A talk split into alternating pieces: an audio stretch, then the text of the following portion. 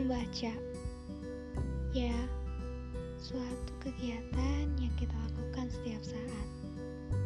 Mulai dari baca papan iklan di pinggir jalan Anjuran pemakaian obat Baca koran, majalah Bahkan sampai novel yang beratus-ratus halaman bisa kita baca untuk menghibur diri.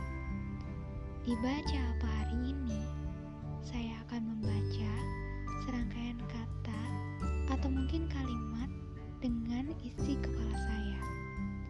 Semoga kamu yang mendengarkan bisa menangkap apa yang ingin saya sampaikan.